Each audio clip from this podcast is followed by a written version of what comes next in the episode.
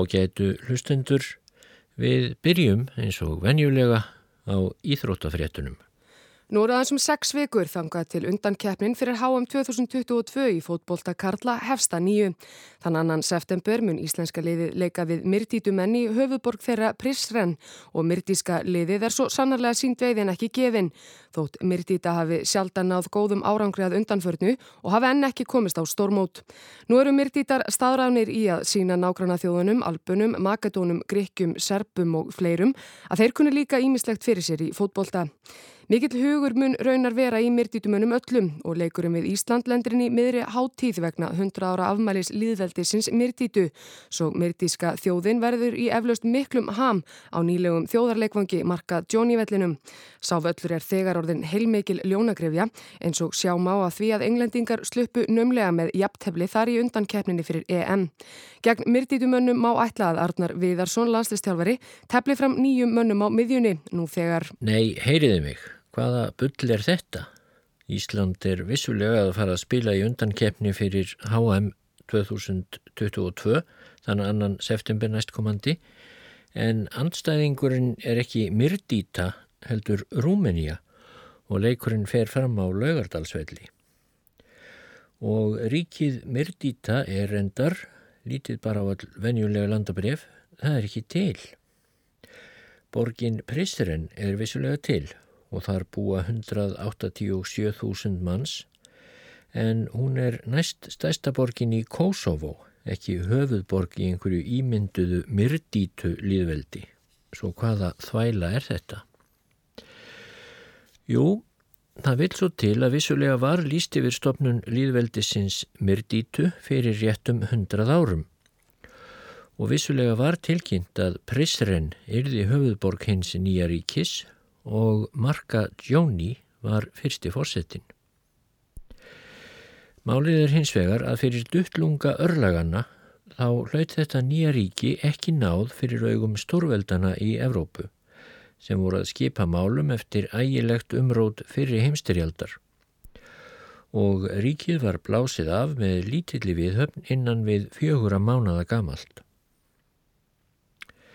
En það er til marksum hver allt er í heiminum hverfult, bæði ríki og þjóðir, að ef betur hefði staðið í bólið hjá David Lloyd George, forsættisráð þeirra bretta, eða Aristide Briand, forsættisráð þeirra frakka, þá hefði vel getað farið svo að líðveldið Myrdíta hefði náð fótfestu í veraldarsögunni á 20. öld og þá myndum við tala óheikað um myrdísku þjóðina og sögu hennar, menningu og tungu og myrdíska þjóðin myndi eiga landslið í fótbolta.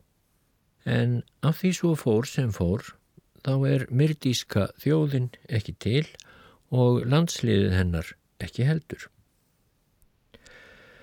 Forsaga málsins aftur í grári fornesku, hún er svo að frá því fyrir kristspurð hafðu búið svo nefndar illirískar þjóðir á Balkanskaganum vestanverðum fyrir norðan Greikland og Makedóníu og illirísku þjóðirnar urðu hluti Rómavældis. Á fjórðuöld eftir Krist þá hófust hins vegar einir svonumdu þjóðflutningar víða um Evrópu og þá óttu húnar og germannar og fleiri þjóðir leiðum svæðið en stöldruðu stutt við. Þegar slavar byrtust hins vegar úr norðri nokkru síðar þá skutu þeir nýður tjaldhælum sínum fyrir alvöru og settu stað fyrir fullt og fast í dölunum í Illiríu og brátt var svo komið að Illiríumenn voru gufaður upp en slavar komnir í staðin. Ekki hafði Illiríumennum verið útrýmt, heldur höfðu slavar einfallega orðið ráðandi í dölunum og heimamenn tóku upp tungu þeirra og menningu. Fram til ársins þúsund eða svo byggu slavar undir handar í aðri austurrómverska ríkisins eða Bísans ríkisins með bækistöð sína í Miklagarði eða Konstantinopel en þá fór slafa að fýsa að stopna eigin ríki en það voru þeir búin að skipa sér niður í hópa eftir ymsum leiðum svo nú héttu slafar ímist serbar eða króatar, slóvennar eða svartfellingar og einmitt á 11. öld þá dúkar ný þjóð upp í heimildum sem aldrei hafði verið minnst á áður. Albanir er svo þjóð kölluð. Og albanir örðu ábyrjandi á all stóru svæði á mótum slavnesku þjóðana og Gríklands í suðri. Ekki tókust vel tilraunir albana til að mynda upplugt samljóma ríki. Heldur urðu albanir undirsátar ímist serpa eða bísansmanna og í dölum þeirra var við líði ættbálkasamfélag næsta nýður njörfað. Hvaðan albanir komu, hvenær og hvers vegna, það er mikið deiluefni fræðimanna og verður ekki farið út í hér. Kanski voru þeir komnir frá Þrakíu eða Búlgaríu, kannski komu þeir frá Dakíu sem nú heitir Rúmenía, en kannski höfðu þeir bara verið á staðunum allan tíman og voru beint eða óbeint afkomendur hinn að fornu illirjumanna. Hvað sem því líður, þá var tunga albana óskild bæði slafnesku málunum og grísku og þeir heldu sig mestanpart útaf fyrir sig. Það skiptir hins vegar máli að um þetta leiti var að verða fullur fjandskapur í hinnum kristnaheimi milli kirkjudeildana í austri, grísku réttrúnaðar kirkjunar svo nefndu, og hinnar kathólsku kirkju í vestri. Í dölunum á miðjum vestanverðum Balkanskaga, þar sem albanir voru flestir, þar skipaðist svo að albanir í norðri negðu sig fyrir páfanum í Róm en í söðri aðhyldust menn grískan réttrúnað. Ekki ollu þessar ólíku áherslur í trúmálum samt teljandi misklíð millum albana að því er séðverður þá. Á 15. öldurðu mikil tíðindi þegar Tyrkir gerðu einrás á Balkanskagan og ruttu á nokkrum áratugum úr vegi bæði austurrómverska Bísansríkinu og hinnum nýju slavnesku ríkjum. Hinn sögufrægi Skanderbeg stýrði í áratugi öflugum vörnum albana gegn Tyrkjum en þeir eruðu þó að látaða lokum undan síga og voru svo undir tyrkneskum herrahjálmi í 500 ár eða svo. Þetta hér er frá þeim tíma að segja. Albanía varð undir stjórn Tyrkja næsta förumstætt landbúnaðar hérað eins og svo sem hafði verið áður og framþróun þar var hægað engin. Þetta kemur svo litið á óvart því mjög margir af helstu vesýrum Tyrkjasóldáns voru reyndar albanskrar ættar og það úði og grúði af albunum í tyrknesku stjórnkerfi en albanir heima við nutu ekki verulega góðs af því. Og á þessum tíma varð hluti albana einn af sárafáum hópum Evrópumanna sem sáu sér annarkort hugssjón eða hag í því að taka upp Íslamstrú sigurvegarana Tyrkja. Fyrir utan svolítið af gríkjum sem gerðust múslimar þá var nær engöngu um að ræða annars vegar part af bosníumannum en þeir eru nú yfirleitt kallaðir bosníakar og hins vegar albanir. Það er að segja þá albani sem í söðri bjöku. Í norður héruðum þess svæðis sem þá var kallað Albania, ekki af því það væri ríki albana, heldur af því flestir íbúar töluðu þar albansku og höfðu albanska siðu, í norður héruðunum heldu flestir fast í sína pápísku, þar að segja katholsku og í þessum norðurhéruðum þar streyttust menn líka meira á móti Tyrkjum en hinnir í suðrinu gerðu. Í norðri var Skanderbeg sterkastur, svo dæmis ég tekið, og þar heldum enn lengi tengslum í vestur eftir því sem hægt var. En þó urðu Tyrknesk og Íslamsk áhrif töluverð á þessa norður albani líka. Ekki síður en hina sem bjöku sunnar og tóku að fullu og öllu trú spámannsins. Það var stærstur hluti albana eða um 70%. Af þeim 30% sem eftir voru þá játuðu 20% trú hinnar grísku réttrúnaðar kirkju en katholikar voru aðeins um 10% lengst af. En áhrif þeirra þó öllu meiri en sem því nam sérilagi lengst í norðri. En hvað héttu nú þessi norðlægu og kathólsku héruð Albaníu sem tegðu sig líka talsvert inn í fjöllin? Jú, þau kalluðust einu nafni Myrdíta.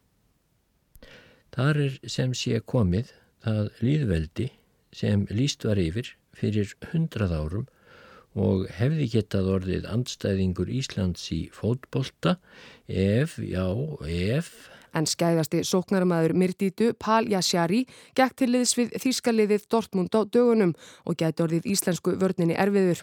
Nú verð ég að fara fljótt yfir sögu. Og þetta er svo sem allt heldur einfölduð mynd af því sem raunverulega gerðist og gekk á.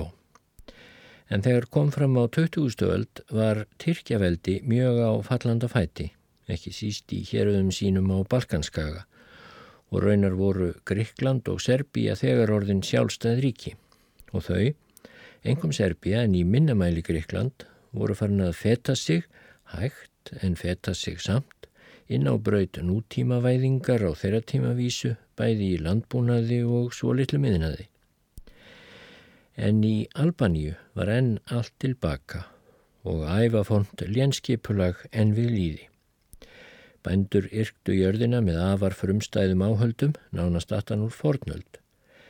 Engar vélar á nokkru dagi léttum önnum stritið, engin tilbúin ábyrður nýttur, áveitur og skurðir, nánast ekkert af slíku og mentun bænda bara alls engin. Og félagslega og menningarlega ríkti líka nær algjör stöðunum, sérilegi í sveitunum og fjalladölunum þar sem mikill meiri hluti albana bjó. Ættbálkaðarjur blóðhemdir sem bæði ítalska mafían og sömuleiðist þær Bergþóra og Hallgerður Langbrók hefðu verið fullsæmdar af. Þetta var allt envið líði. Heið niður njörfað og óumbreytanlega kerfi blóðhemda hafði þróast um aldir og var orðið svo fast í forminu að það var litið á það sem sjálfsagða og reyndar alveg ófrávíkjanlega skildu, stoltra karla að hefna með blóði hverjar mótgerðar sem einhverjum úr hans ættboga hafði einhver tíma verið sínd. Og tala nú hjum feðraveldið. Það var annálað í sögum að konur væru forkar miklir við að hvetja til blóðhemda og vildu helst ekki líta við nokkur um kalli nefn væri búin að drepa svona 2-3 út af einhverjum miskjörðum við ættina kannski fyrir áratugum og allir búin að gleima tilefninu en samt þurfti að drepa. En þótt konur kvestu augun vissulega stundum á Karla og kvettu þá til dáða, þá var nú staðrindin samt svo að konur voru bæði kúaðar og þrúaðar af körlum svo að þessiru fá dæmi annar staðar.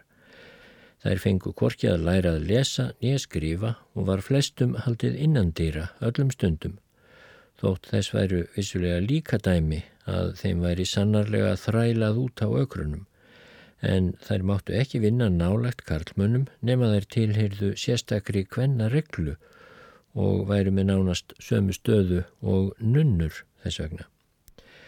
Og þær eruðu að hilja sig ef karlmaður utan fjölskyldunar var nærri, ekki aðeins múslimakonurnar, þótt þær sættu vissulega strángari reglum að þessu leiti en þær kristnu.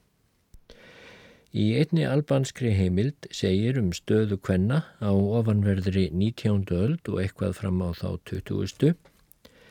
Ekki aðeins var konum neita að leika nokkra rullu utan heimilis þeirra, heldur voru þær jafnvel innanvekja heimilisins sviftar flestum grundvallar mannréttindum. Stúlkubörn voru talin þung byrði á herðum foreldra sinna og bræðra og þegar þær uksu úr grasi var þeim orðið ljóst að þær veru algjörlega og undantekningar raust undir sátar einmanna sinna. Almennt var litið á konur sem örlítið verðmættari en hunda en á hinbóin verð minni en hesta.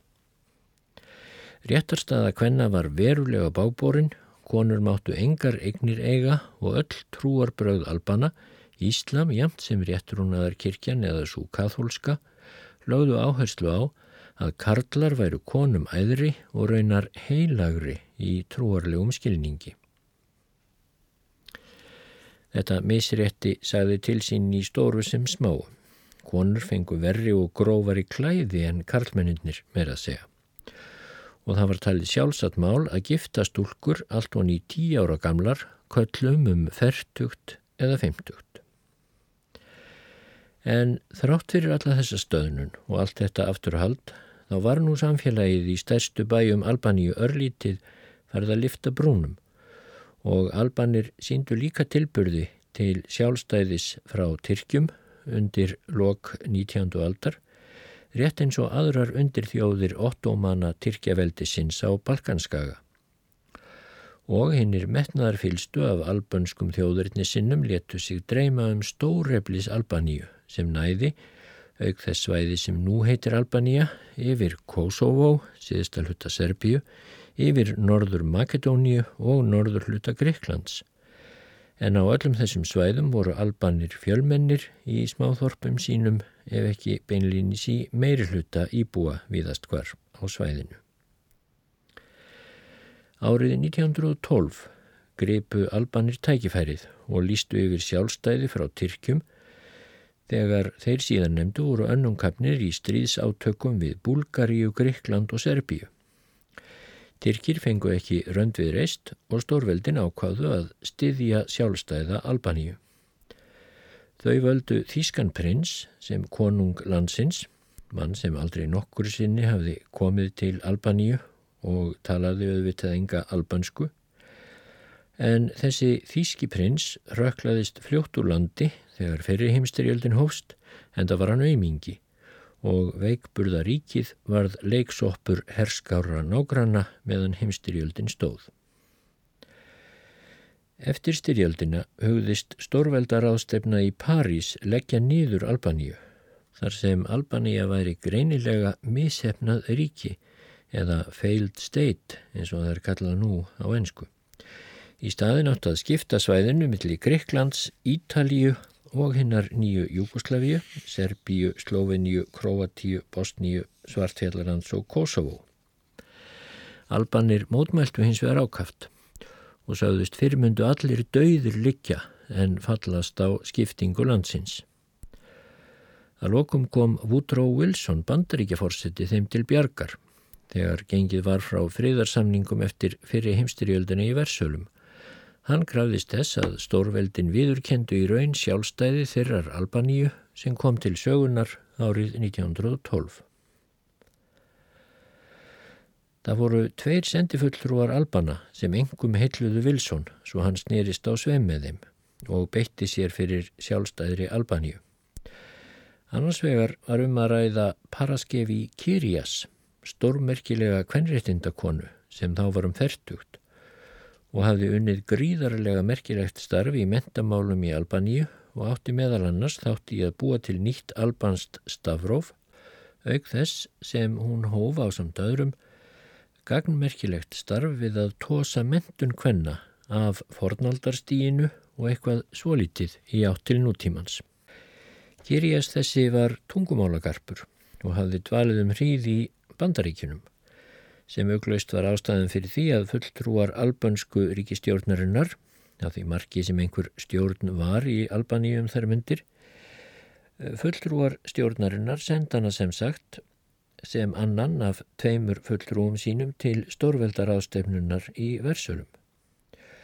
Og Paraskevi Kirjas, fulltrúi hins grimmasta feðraveldis Albaníu, hún var reyndar eina konan sem tók þátt í versala fríðarsamningunum sem gildur sendifulltrúi þjóðarsinnar. Og Kirjas hafði þá svo góð áhrif á Woodrow Wilson bandaríkjaforsetta að hann stökk til stöðnings Albaníu. Hvað í Kútin fyrir ætlanir stórveldana annara um að lima ríkið niður og stutti með ráðum og dáð aðild Albaníu að þjóðabandalæginu sem átti að semja um átakamál stóra ríkja og smára svo heimstyrjöld myndi aldrei framar brjótast út. Hinn albaninn sem lagði á samt Paraskevi Kirjas, þingslóð á vogarskálarnar gagvart Vilsson bandaríkjaforsetta, var Fan Nóli, alveg stórmerkilegur maður og risastort nafn í sögu Albaníu en þó einhver menningu. Nóli var svo fjölhæfur og svo margt til listalagt að ef ég fær að telja það allt upp hér þá myndi mér valla endast þátturinn.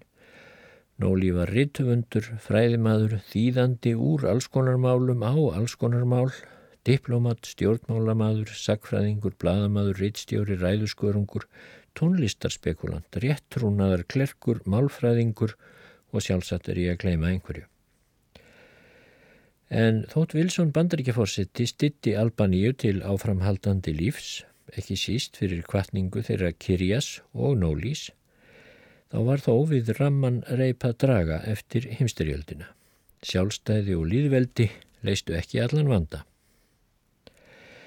Í landinu var hins vegar allt í höng, eins og það var orðað á einum stað. Albanía var enn fátæk og frumstæð og íbúarnir sjálfum sér sundurþykir, líðræðishefðir voru engar, en flest svið samfélagsins ramlega föst í ævafornum viðjum. Og víðast í sveitunum var enn við líði, lénskipulagið, þar sem smá kongar réðu því sem þeir vildu ráða. Ekkert dróður blóðhemdunum, ofbeldi og pólitísk tilræði voru algeng. Og bæði Júkoslavar og Ítalir voru sífælt með puttana í málumnum landsins og kathólsku íbúunum í hérraðinu Myrdítu fannst muslimarnir í söðrinu dragbítar á framfarir og framþróun. Paraskefi Kirjas og fáinnar baráttu gladar stallsistur hennar náðu þeim ótrúlega áfanga árið 1920 að tryggja albönskum konum takmarkaðan kostningarétt. En hann kom konum þó að litlu haldi í byli því hvort ekki var að lang flestar konur voru allsendis óvanar því að kynna sér, hugsa um eða taka ákvarðanir í pólitík og svo hitt að líðræðið í Albaníu var satt að segja lítil svirði og var svo lengi enn.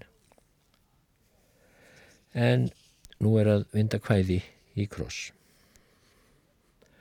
Maður hétt Prenk Bíb Dóta, fættur í Myrdítu árið 1860. Fadir hans var ættarhauðingi þar um slóðir sem reyndar hafði verið diggur þjótt Tyrkja á sínum tíma. Sjálfur hóf Dóta uppreist gegn Tyrkjum, ekki orðin tvítugur og var að lyktum fluttur í útlegð til Konstantinópel þar sem hann komst reyndar til mettorða í ennbættismannakerfinu og síðar meðal hinn að svonumdu ung Tyrkja sem vildu frelsa landsitt úr klóm afturhalds og stöðnunar sem þjáði Tyrkjaveldi ekki síður en Ímis svæði önnur. Dóta snýri heim til Albaníu 1908, nánast sem þjóðhetja og varð einn helsti ráðamaður landsins eftir að það varð sjálfstætt nokkur árum síðar. Vald Dóta og áhrif byggðust á stöðu hans sem leðtoga ættbolkana í myrdítu. En Dóta var svo myrtur 1919 af mönnum í þjónustu sunnanmanna sem hans myrdítumenn verið orðnir of fyrirferðarmiklir í henni nýju en óstöðugu Albaníu. Dóta átti enga afkomendur og því var ekki ljóst hver tæki við af honum sem ættarhauðingi en svo tegn gekk í erðir og því vantaði nú svo nefndan kapitan yfir alla myrdítu. Að lokum varð frendi Dóta marka Gjóni fyrir valinu. Sá hafði átt nokkuð misjafnan feril. Gjóni var á svipuðum aldri og dóta og hafði snemma orðið mikil sáttar í einu með að fleiri ættbálkum myrdítu. Þegar Gjóni var ungur var kathólskan ásteitingarsteinn albana í myrdítu og hinn að tyrknesku yfirvalda sem þá reyndu ennað bæla niður sjálfstæða menningu og trú albanana í norðrinu og Jóni kom mjög við sögu þegar fyrsta opimbera kathólska messan í 410 ár var sunginn í frægri vorfrúarkirkju í bænum Skóter 1889. Þáttur Gjónís í þeirri uppákomu var litin slíku hortnauga af muslimum í bænum að þeir hugðust gerunum fyrirsátt á markaði í Skóter en vinir Jónís vörðan við á síðust stundu svo hann slapp lifandi. Fleiri kathólskar kirkjur voru svo teknar í notkun aftur næstu árin undir verndarvæng Jónís. Árið 1897 hafði tyrkniskum yfirvöldum verið nóg bóðið og með aðstóð útsendara í rauðum Albana sjálfra letu þau handtaka Jóni og hann var sendur í útlegð til borgarinnar Mósul í Írak, nálagt landamærunum að Persíu. Í þeim útkjálka þurfti Gjóni að hýrast sár gramur í fimm ár en náðu þá að sleppa burt úr bænum dölbúin sem íslamskur pílagrímur sem ætlaði til Mekka. Jóni slóst í för með beduínum sem fylgdu pílagrímum söður í eðimörkina en stakka af eftir nokkura vekna ferðalag, helt aftur norður á bógin og náði loks til landamæra Tyrklands og Rúslands í Kákasusfjöllum. Þar átti Jóni í mesta basli með að sannfæra landamæra verði um að hann væri Kristinn Albani en ekki íslamskur beduíni. En það tókst að lókum og Jóni helt til hafnarborgarinnar Ódessa við Svartahafið og komst þaðan eftir ímisævindýri til borgarinnar Kótor í Svartfjallalandi sem þá var undir stjórn Austuríkismanna. Ríkistjórn Frans Jósefs keisara í Vínarborg gerði út sendimenn á fund Gjónís um liðveislu hans við að fríða albanska íbúa undir stjórn keisaradæmisins. En Gjóni vildi heldur komast heim til Myrdítu og þegar hann náði loksins þangað eftir langt og strangt ferðalag allarleið frá Mósúl, ferðalag sem tók hátt í heilt ár, þá var hann tekið með kostum og kynjum af sínum ættbálki og bandamönnum í Myrdítu. Fólk kom víða að til að helsa upp á hann og óteljandi riffilskotum var hleyft upp í loftið í fagnadarskinni. Og heimsnúin komst Gjóni fyrirvarlust aftur til áhrifa í myrdítu. Blettur fjall á hann þegar hann þótti ganga fram af helstil mikilli ragmennsku í fyrriheimstriöldinni þegar sótt var að Albani úr ymsum áttum, en um síður var hann þó fyrirgefið og nú varðan kapitan yfir allri myrdítu í stað hins myrta frenda síns dóta. Það kemur auðvitað vel til mála að sögurnar um heigulsátt gjóni í heimstyrjöldinni hafi ekki endilega verið sannar. Heldur hafi þær verið eintómur skálskapur og róburður frá hendi keppinauta hans einhverja. En hvað sem því líður, hvort sem sögurnar voru sannar eða ósannar, þá lifði gjóni þær af. E dani i mirë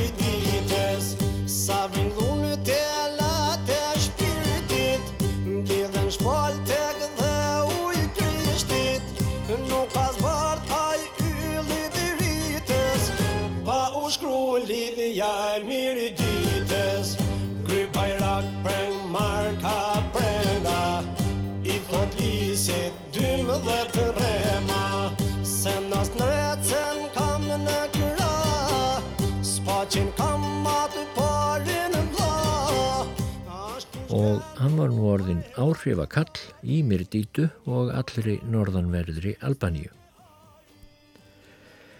Þann 17. júli 1921 fyrir 100 árum þá steg Marka Jóni svo að það óvænta skref að lýsa yfir sjálfstæði líðveldisins Myrdítu sem næði yfir norður hluta Albaníu og talsverðan hluta Kosovo. Jóni var ekki einn áferð og það er ekki einu sinni víst að hann hafi sjálfur átt hugmyndina. Sambandsríki slavnesku ríkjana fyrir norðan og austan Albaníu hafði enn ekki hlotið hið formlega nafn Júgoslavia eða Suðurslavia en þó var komin þokkaleg mynd á það. Og ráðamenn þar vildu allt til vinna að albönum tækist ekki að hísja upp um sig buksurnar og uppfylla drauma sína um stór Albaníu. Og það munu hafa verið Júgoslavar sem stungu því að marka Jóni hvort ekki verið kjörið að hann líst yfir sjálfstæði. Og það sem vakti fyrir Júgoslöfum, engum serbum, var fyrst og fremst að veikja Albaníu svo hún fær ekki að ógna yfir áðum serba yfir austasta hluta Kosovo hér aðs. Þar höfðu serbar beðið frægan ósigur fyrir Tyrkjum 1389 og svo undarlega brá við að vývöldurinn þar sem serbar töpuðu var helgistaður í vitund þeirra og þeir gátt ekki hugsað sér að Albanía egnaðist orustuvöllin. Jafnvel þótt meiri hluti íbúa, mikil meiri hluti íbúa meira að segja, þar í héræðinu væri albanskur. Jóni tók hugmynd serba vel og sjálfstæðis yfirlýsing var nú send þjóðabandalaginu nýja sem aðsetur hafði í Genf í Sviss. Mörgum þótti furðu sæta að myrdítumenn skildu þannig reynað eblast til áhrifa með hjálp serpa því serbar voru einmitt þær vikurnar að reynsa síðustu héruð Serbíu og Svartfjallalands af albunum. Ótalmarkir voru drefnir, aðrir hrættir á flótta, söður til höfuðborgarinnar Týrönu og þúsundir og aftur þúsundir dóur hungri og vospúð. En á sama tíma voru gríkki reyndar líka að hreinsa norður héruð sín af albunum og þeir gengu vist síst mildilegar fram gríkkinir. Þar fjallu líka í valin fyrir gríkjum stórir hópar albana, karla, kvenna og barna. Ríkistjórnin albanska í týranu var lítils megandi en tók þó á sig rögg þegar fréttir bárust frá Prisren um að Myrdíta hefði líst yfir sjálfstæði og þar væri komið sérstakt líðveldi. Kornungur höfðingesonur og dátti úr fyrirheimstyrjöld, Ahmed Mukhtar Sogolli var nú gerður út með svo litinn herflokk til að bæla niður sveitir Gjónís og stemdi nú í bræðiravík Albana í fjalladölunum.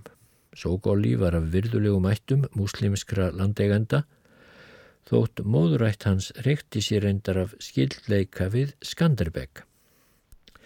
Jón Nýrindi að æsa upp þjóðarnis eldmóð og nýja kathólska vakningu meðal myrdítumanna þótt fólkið í litlu fjallathorpunum ættir reyndar erfitt með að skilja af hverju það tilherði nú skindilega annari þjóð en albanirnir í söðri hvað sem leið ólíkri trú þeirra. Einn nýji fórseti myrdítu líðveldis gerði sér þó fyrst og fremst vonir um að fá öflugan stöðning Serba. Hann bar líka výurnar í rúsneska hersöðingjan Pjótr Rangel sem hafi rakist undan rauðahernum í hinnum nýju Sovjetríkjum og var nú að reyna að koma sér upp öflugum bækistöðum rúsneskara útlaga eða kvítliða í Serbíu. En allir vissu að mestu skipti þó hvernig Stórveldin, Breitland og Frakland myndu bregðast við í málinu. Þau báru enn höfuð og herðar yfir öll veldi í Evrópu. Þegar þarna var komið sögu hafði Woodrow Wilson bandaríkjaforsetti látið af ennbætti fyrir Vestan Haf og bandaríkjumenn voru áhuga lausir um heimsmálinn í byli svo ekki þurfti að taka tillit til þeirra brettar og frakkar réðu þessu bara. Frakkar munu hafa next til að styðja Jóni og myrdítumenn en eftir nokkra umhugsun tók Lloyd George forsættist ráð þeirra bretta annan pól í hæðina. Snemma í november þegar herflokkar hins unga Sogolís voru farnir að ogna herflokkum nýja líðveldisins í fjöllum myrdítu þá tók Lloyd George af skarið og ákvað að styðja stjórnina í Týrönu en ekki stjórn Jónís í Pressrön. Og breski fórsetistráþrann sendi Serbum í Genf harðorð skilabóð um miðjan november um að þeir yrðu að láta af stuðningi sínum við Jóni ella fengi hinn vantanlega Júkoslavia ekki stuðning breyta. Þá háttaði svo til að í ágúst hafði Alexander I tekið við konungdómi í Júkoslavia af föður sínum Pétri I sem lengst af hafði verið konungur Serba engöngu. Í nýji kongur Alexander reyndið að malda í móin og svaraði brettum að sjálfstæðis yfirlýsing myrdítu væri vittnisspurður um að stjórnin í týranu nýti ekki stuðnings allrar albönsku þjóðarinnar og því ætti alþjóðasamfélagið ekki að viðurkenna þá stjórn heldur þvertamóti viðurkenna stjórn Jónís í pressirinn og við svo búið viðurkendi Júgoslavia eða konungsríki Serba, Króata og Slóvena eins og það hétt þá, það viðurkendi nú líðveldið Myrdítu formlega.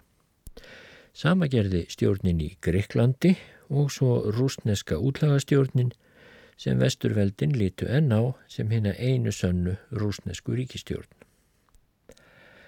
En Lloyd George let sig ekki. Hann hefði alveg geta tekið andstæða ákvörðun en hann stóð fast við að styðja stjórnina í týrunu.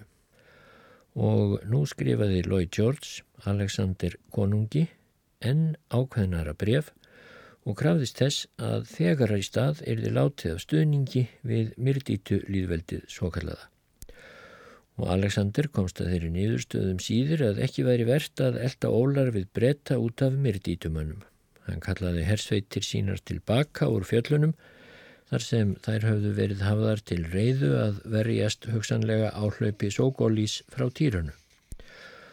Og hafi Pjórn Rangel verið farin að búa sínar rúsnesku kvíliðasveitir í Serbíu undir för þeirra söður í albansku dalina sem er endar nokkuð óljóst þá hætti Rangel allavega við það og Marka Jóni stóð upp í aðleitn og óstuttur með mönnum sínum og hersveitir Sókólís nálguðu stóðum. Það kom til bardaga, það er óhætt að segja. Nokkrir fjallu í þessum, já hvað hefur að kalla það, frelsistríði myrdítumanna. Endasleppu frelsistríði myrdítumanna. Því sveitir hins unga Sókólís, fulltrúa dýrunustjórnarinnar, þær unnu tiltölulega léttan sigur á vonsviknum sveitum Jónís sem höfðu gert sér vonur um diggan stöðning frá Serbíu og eða rúsnesku kvíliðunum. Eftir nokkrar skærur og svo litið mannfall þá lögðu myrdítumenn niður vopn en Marka Jóni, forseti líðveldisins, flúði höfuðborg sína yfir til Serbíu á samt ríkistjórn sinni. Því jú, hann hafði haft tíma til að skipa heila ríkistjórn Anton Ashikú var utanríkisráþurra, innanríkisráþurra var Sef Endochi og stríðsmálaráþurran hétt Prenk Leshi. En Sokoli var sigurvegarinn og hann lísti því nú yfir að herrlög gildu framvegis í Myrdítu og Jóni og fylgismenn hans væru svikarar við heilaga Albaníu og eruðu dregnir fyrir domstóla hvar og hvenar sem til þeirra næðist. Um leið lofaði Sókóli þó þorpshöfðingjum og öldungum myrdítu að ef um enga frekari ansbyrnu yrði að ræða þá yrði farið mildum höndum um borgara hins fyrverandi líðveldis. Við þetta stóðu Sókóli og ráðamenn í týrunu og eftir mál eftir flan myrdítumanna urðu lítil sem betur fer.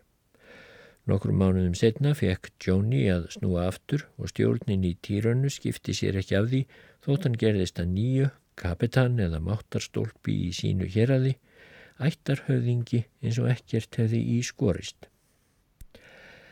Á meðan höfðu serbar með vitund og vilja bretta treyst stöðu sína í Kosovo og fleiri héruðum í söðrinu þar sem albanir voru fjölmennir og serbar gerðu prestren að hérads höfuðborg í einni sístlu Kosovo, þessa fyrrum höfuðborg líðveldisins Myrdítu. Árið 1925 dó kapitan Marcagioni. Hann dó á sóttarseng og það leikur engin grunur á um að eitrað hafi verið fyrir honum. En með honum dóu síðustu leifar líðveldisins myrdítu og eh, svo stund mun því aldrei upprenna að Ísland keppi í fótbolta við myrdítu líðveldið á Marcagioni leikvanginum í höfðborginni Prestren. Sónur Jónís tók við af honum sem helsti höfðingi myrdítumanna. Í Albaníu gekk mikið á og hafi Davíð Lloyd George og aðrir framámenn vesturveldana gert sér vonir um að Albaníu erði stöðugt og stabílt ríki undir stjórn uh, valdamanna í týrunu og þess vegna ákveðið að styðja þá stjórn en ekki Jóni í myrdítu þá rættust þær vonir sannarlega ekki. Því þar var enn allt í höng, svo það orðalag sé nú endur tekið. En nú steg Sógóli, hinn ungi herfóringi fram sem einn helsti máttarstólpi og valdamaður Albaníu. Sógóli var í svo miklum metum eftir að hafa kveðið í kútin hinn að missefnuðu tilraun myrdítumanna til að lýsa yfir sjálfstæði að hann var gerður forsætistráð þeirra ári setna 1922 en þá var hann aðeins 27 ára gammal. Ekki var lognmódlan í albanskri pólitíkum þær myndir, þótt búið værið að kveða niður aðskilnaðar reyfingu myrdítumanna. Árið 1923 lifði Sogoli af skotárás í albanska þinginu og ári eftir það var einn af pólitískum andstæðingum hans myrtur og Sókóli var grunnaður um verknaðin. Þá fór hann í útlegð til konungsríkis Serba, Kroata og Slovena eða Júkoslavíu en sneri svo þaðan fremstur í flokki rúsneskra hermanna sem hann hafi fengið í liða. Það voru leifarnar af herrflokkum Rangels sem Marka Jóni hafði gert sér vonir um að myndu á sínum tíma hjálpa til við að treysta sjálfstæði myrdítu. En með hjálpina rúsnesku kvíliða þá varð Sógóli fórsetti og fremstur valdamaður Albaníu árið 1925 þrítugur að aldri. Svo Golli var því sem næst innráður samkvæmt þeirri stjórnarskrá sem albanska þingið samþykti undir byssukjöftum rúsana.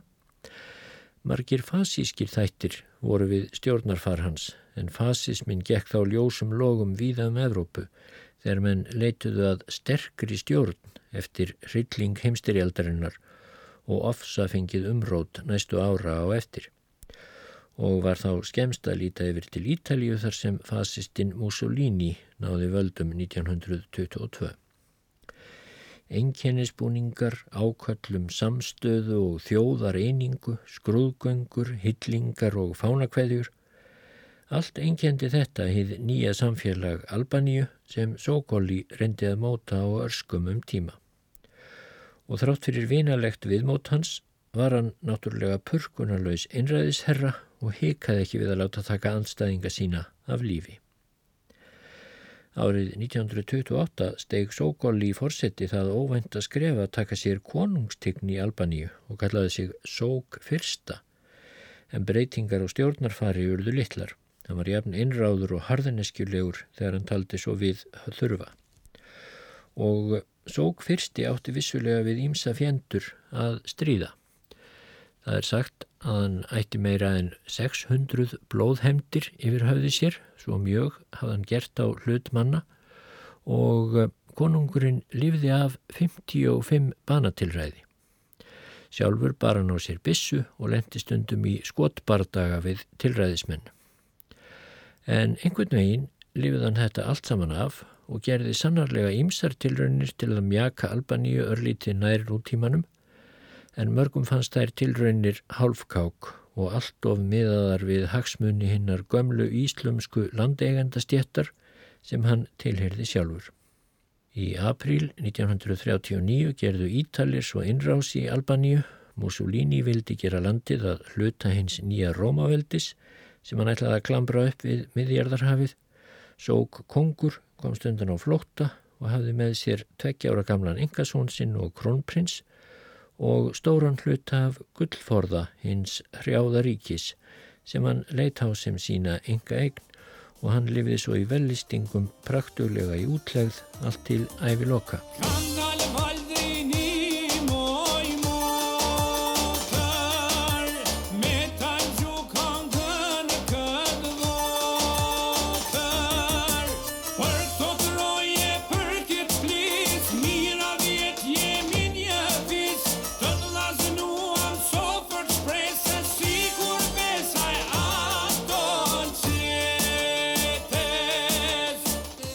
Hvað hefði gerst ef Myrdíta hefði náða að halda sjálfstæði sínu með hjálp vesturveldana og tvö lítil albönsk ríki hefðu vaksið upp hlið við hlið í fjöllunum og við Adriahafströndina nema hvað serbar hefðu líklega aldrei leift Myrdítumannum að halda sjálfu Kosovo hér aði þar sem Vígvöllurinn gamli var. En gefum okkur að bæði Albania og Myrdíta hefðu vaksið úr grasi og farið að líta á sig sem fulltrúa tveggja albanskra þjóða og ríkin hefði þá vendanlega farið að aðgreina sig æg meira með trúarbröðunum, Íslam annarsvegar og kathólsku hinsvegar. Það næstum óhjákvæmilegt að Myrdíturíkið hefði þá leitað hælis hjá hinnum ramkathólsku ítölum og Myrdíta hefði á fjórða áratögnum kannski orðið meiraði minna leppríki eða segjum skjólstæðingur fasista stjórnar Mussolinis á Ítalju.